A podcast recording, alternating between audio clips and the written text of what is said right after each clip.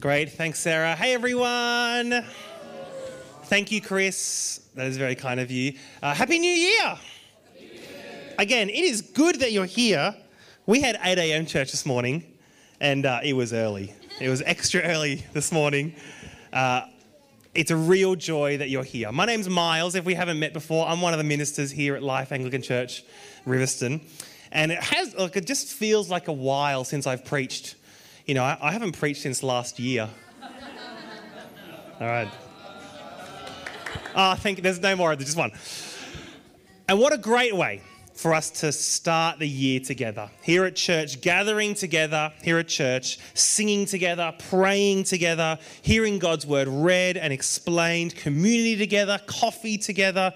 Every Sunday is a good Sunday to be at church. There's just something extra nice about meeting together on New Year's Day.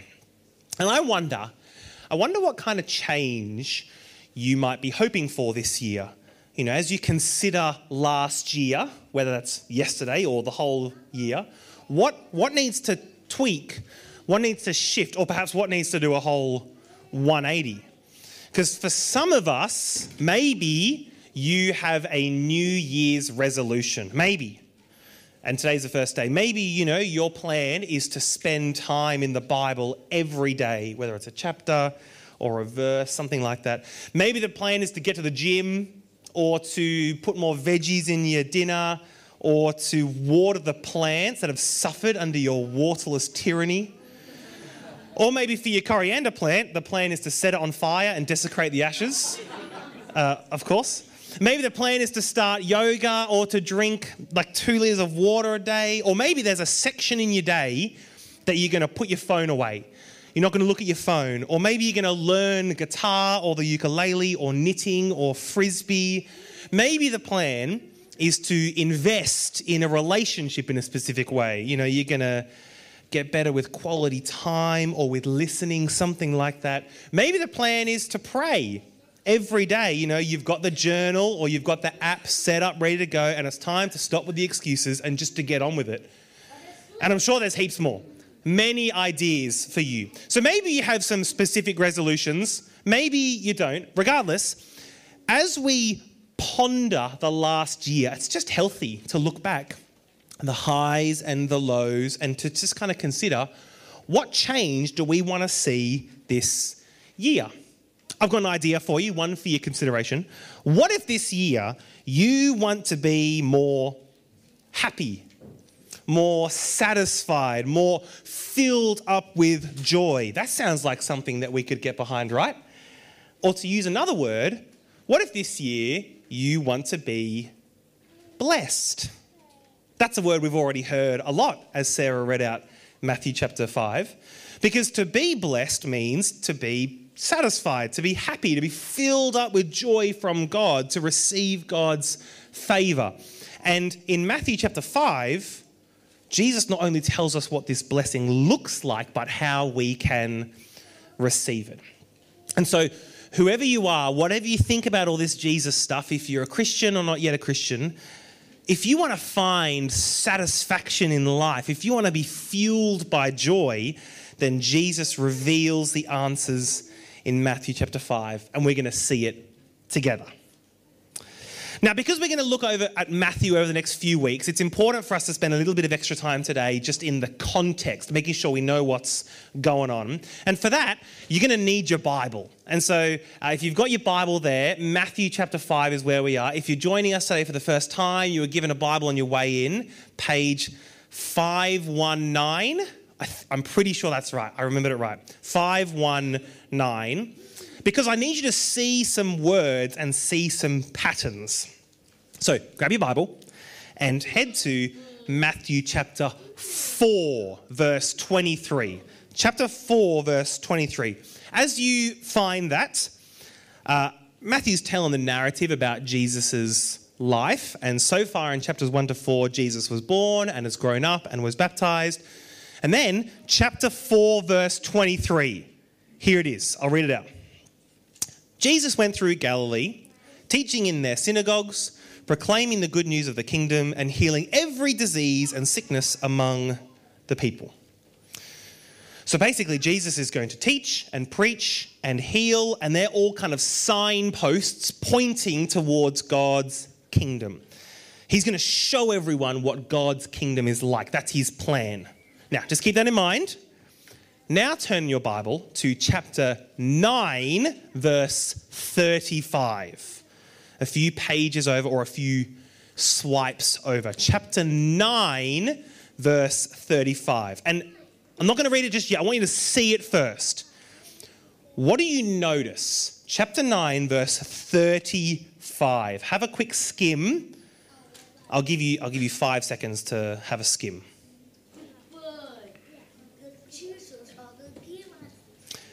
All right, let me read it. Chapter 9, verse 35. Here's, here's what it says Jesus went through all the towns and villages, teaching in their synagogues, proclaiming the good news of the kingdom, and healing every disease and sickness.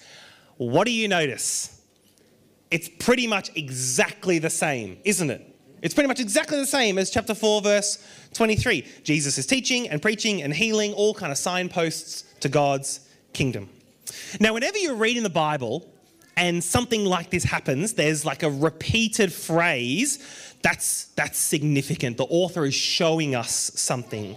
And I think here, the author Matthew is using a technique called an inclusio. Oh, that's a fun word, isn't it? An inclusio. An inclusio is basically just like a word sandwich or, or a word KFC zinger burger. We'll go with that one. So Matthew's using a KFC Zinger Burger. In this Zinger Burger, delicious, the bread, the top and the bottom, is chapter 4, verse 23, and chapter 9, verse 35. Those verses that we just read out. That's the bread.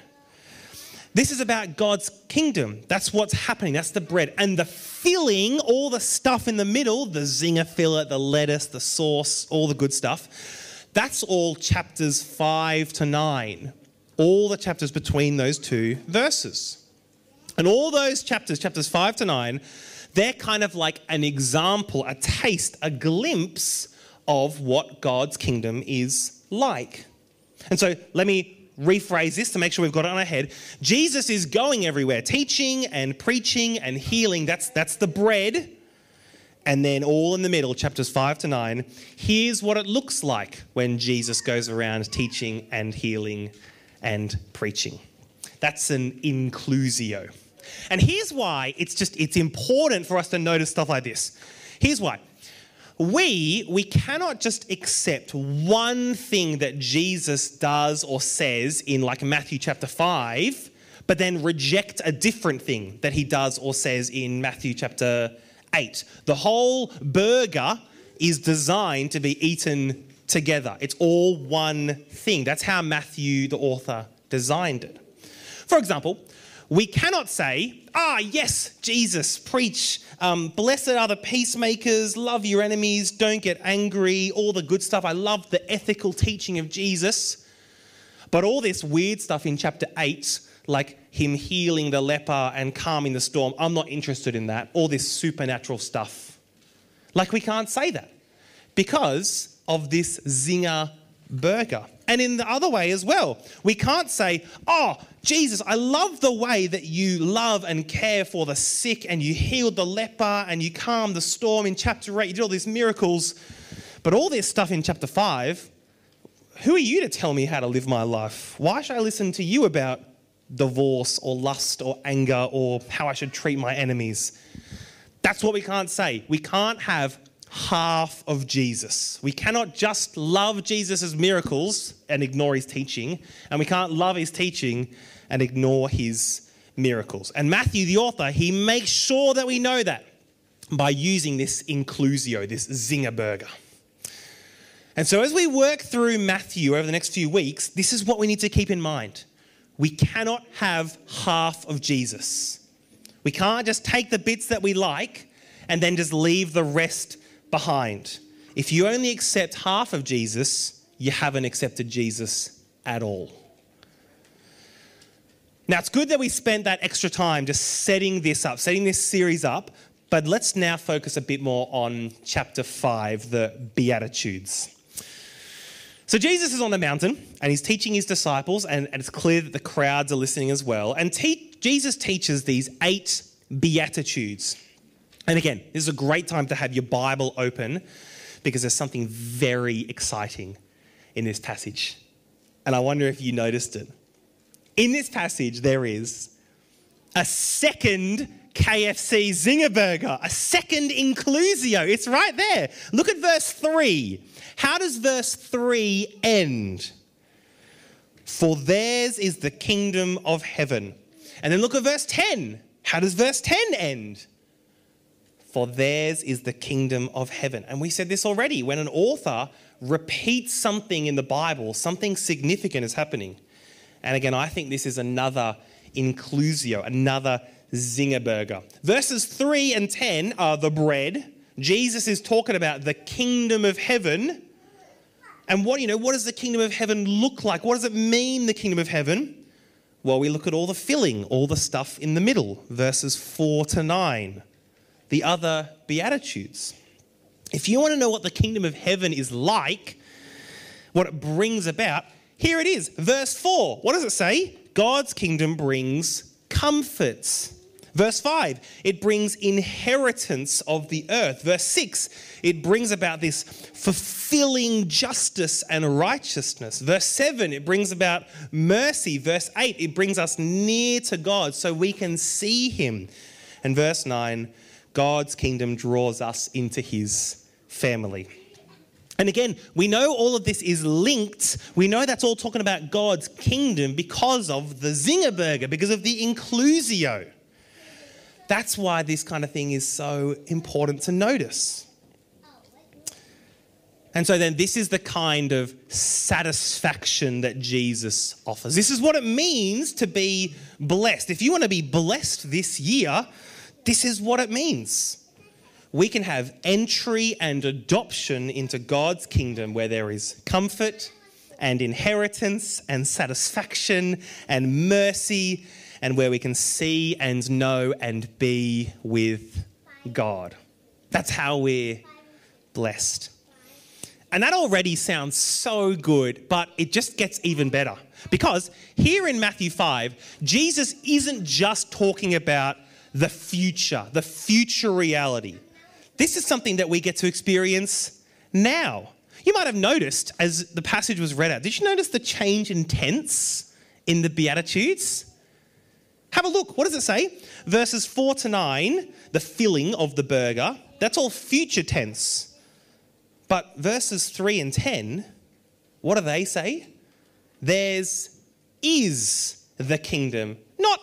Theirs will be, theirs is the kingdom of heaven right now.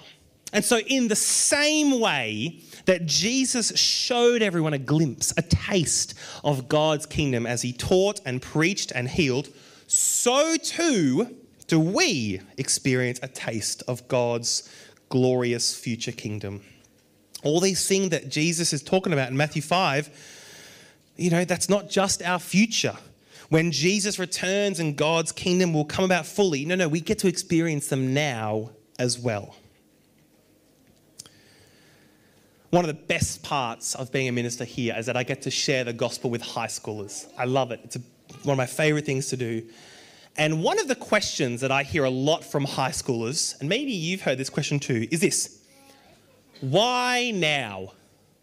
Why should I become a Christian now?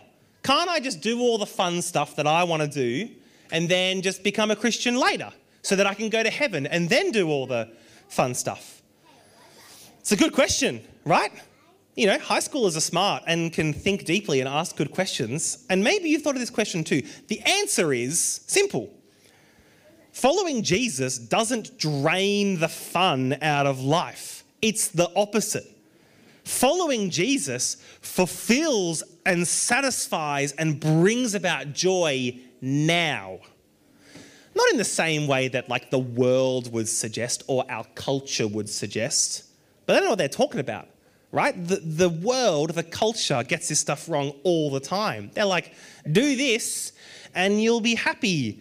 Own this, experience this, try this, buy this, listen to this, vote for this, whatever, and you'll be happy. It's never true. It never lasts, and everyone knows it. Only Jesus brings about real, joyful, satisfying life for the full, both now and into the future.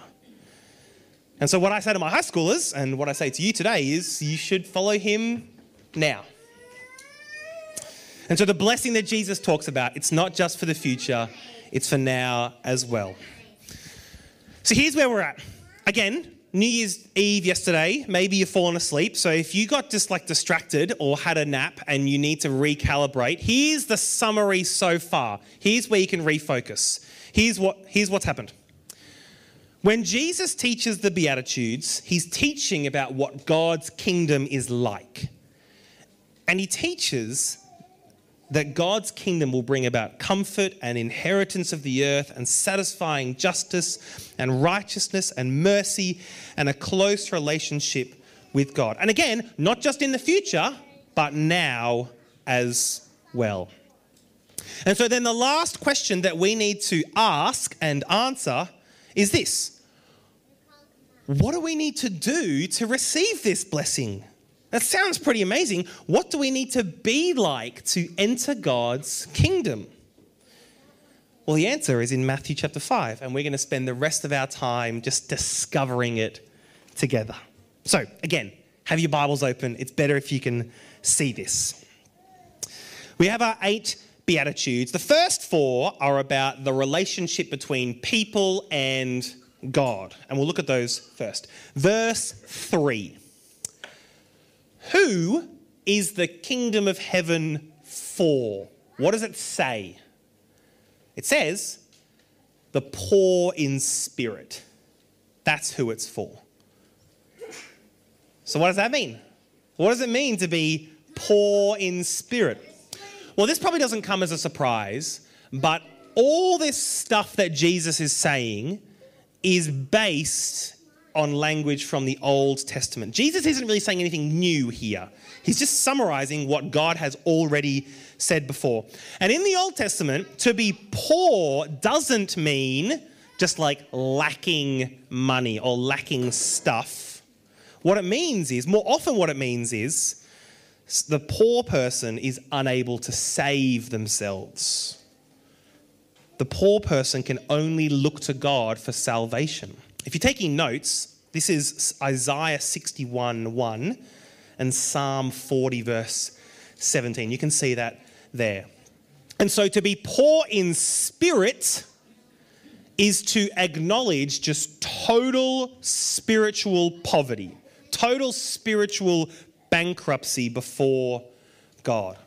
Because our sin, our rejection of God and His standards, like that's just shattered our relationship between us and Him. And we are unable to fix it. We're unable to save ourselves. We are poor.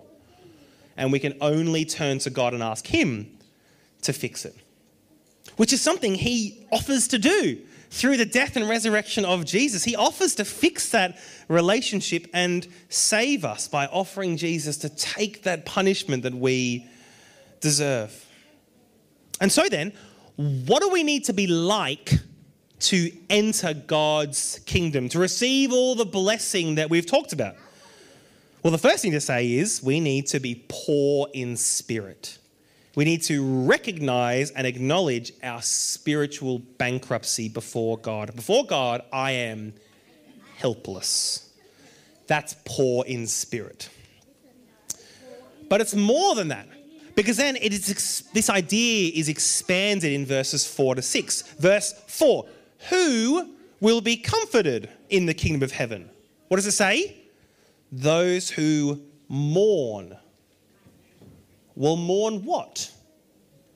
Those who mourn what we just said from verse 3. Those who mourn their own spiritual poverty. That's the thing we just talked about. Not only do we need to acknowledge that we are poor in spirit, verse 3, but we need to mourn it. We need to, to feel the weight of how our sin impacts God and ourselves and others. But this doesn't mean that we kind of wallow in sorrow, because what does the verse say? We will be comforted. We are comforted right now. God promises to forgive our sin, today if we turn and follow Jesus. And we need to feel the weight of our sin. Verse 5 Who will inherit the earth? What does it say? The meek. That is, the gentle, the humble, the considerate. For it is only the humble who can honestly look at themselves and turn to God in their helplessness. And when Jesus returns and brings about God's kingdom, there will be a new heaven and a new earth. And those who turn to God will inherit the earth. That's what it means. And they will live with God for eternity. Isn't that one just fascinating, right? Like, what does our world say about who possesses the earth? The rich, the strong, the leader, the confident. No, it will be the meek, the gentle, the humble. And verse 6 Who will be satisfied? What does it say? Those who hunger and thirst for righteousness, those who want justice, those who look around and see the impact of sin and just want it to end, who ask God for it to end. You know, come, Lord Jesus, please. And so, putting verses 3 to 6 together, who is the kingdom of heaven for?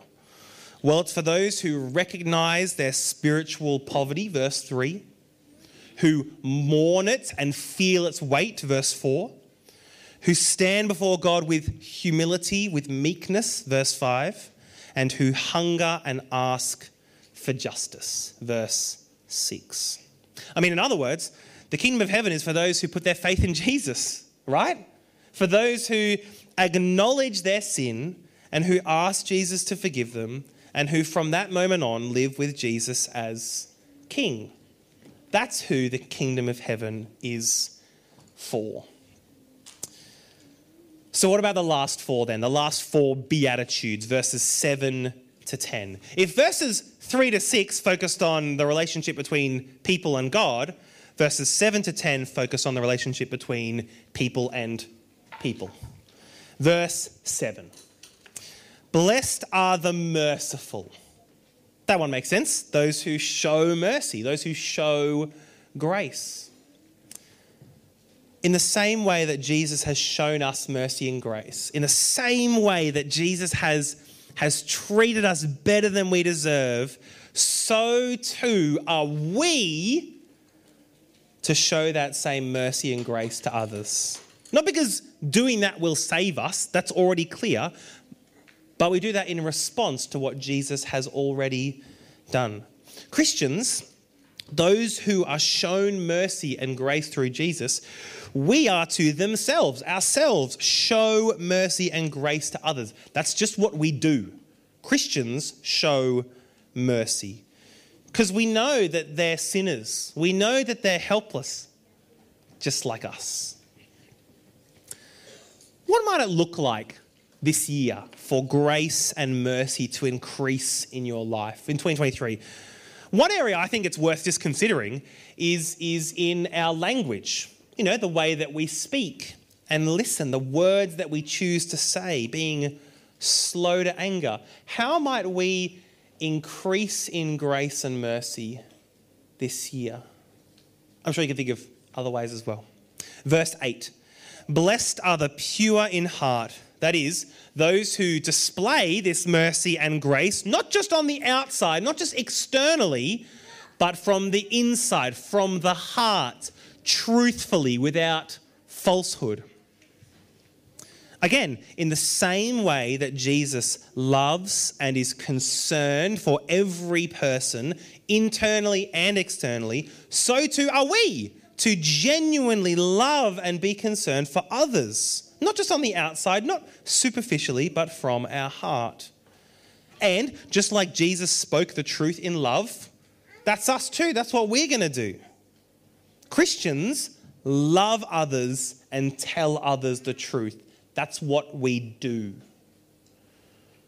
And so, what might it look like for you this year, 2023, to, to show genuine love for someone or tell someone the truth. Here's an idea telling someone the truth of the gospel. That's loving someone. That's telling the truth, right? If we genuinely love people and we want to tell them the truth, then surely we need to share the reality of the gospel with them.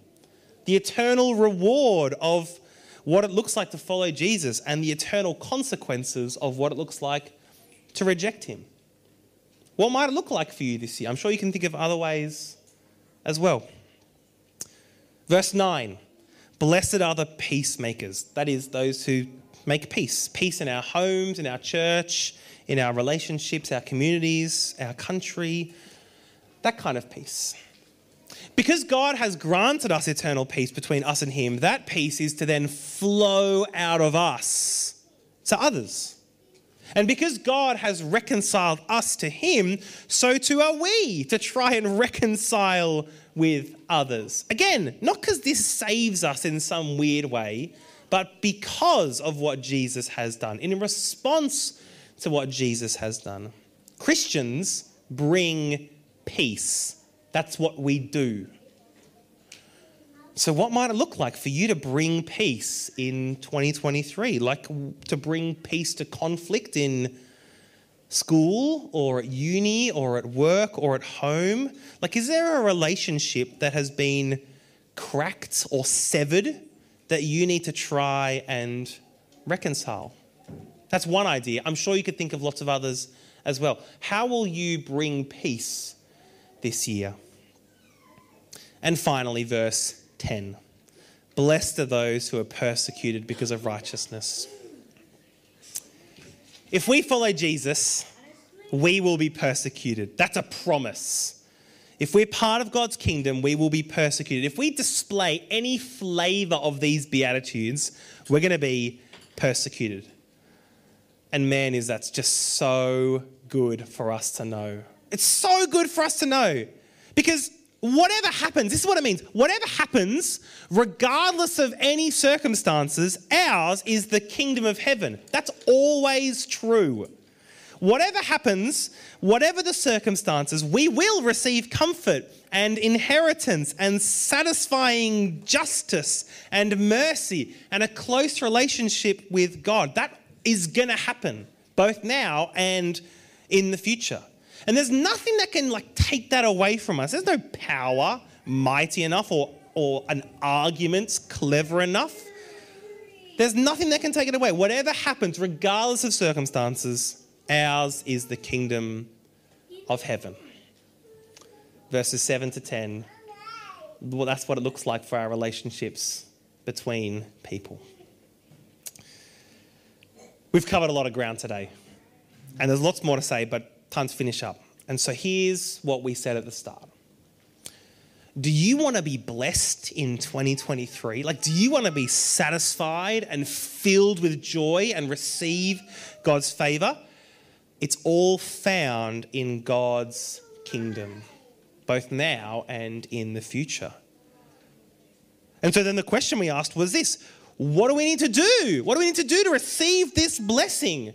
The answer is trust and follow Jesus. Accept his invitation into God's kingdom and with his help to live out God's kingdom. Let's pray together. Father, thank you so much for Jesus' words in Matthew chapter 5. And we ask that we wouldn't forget what we have heard and considered and felt today as your word was explained. And we pray that as we do get into this new year, that we would be blessed as people who live in your kingdom and as people who live out your kingdom. And we pray these things for Jesus' sake. Amen.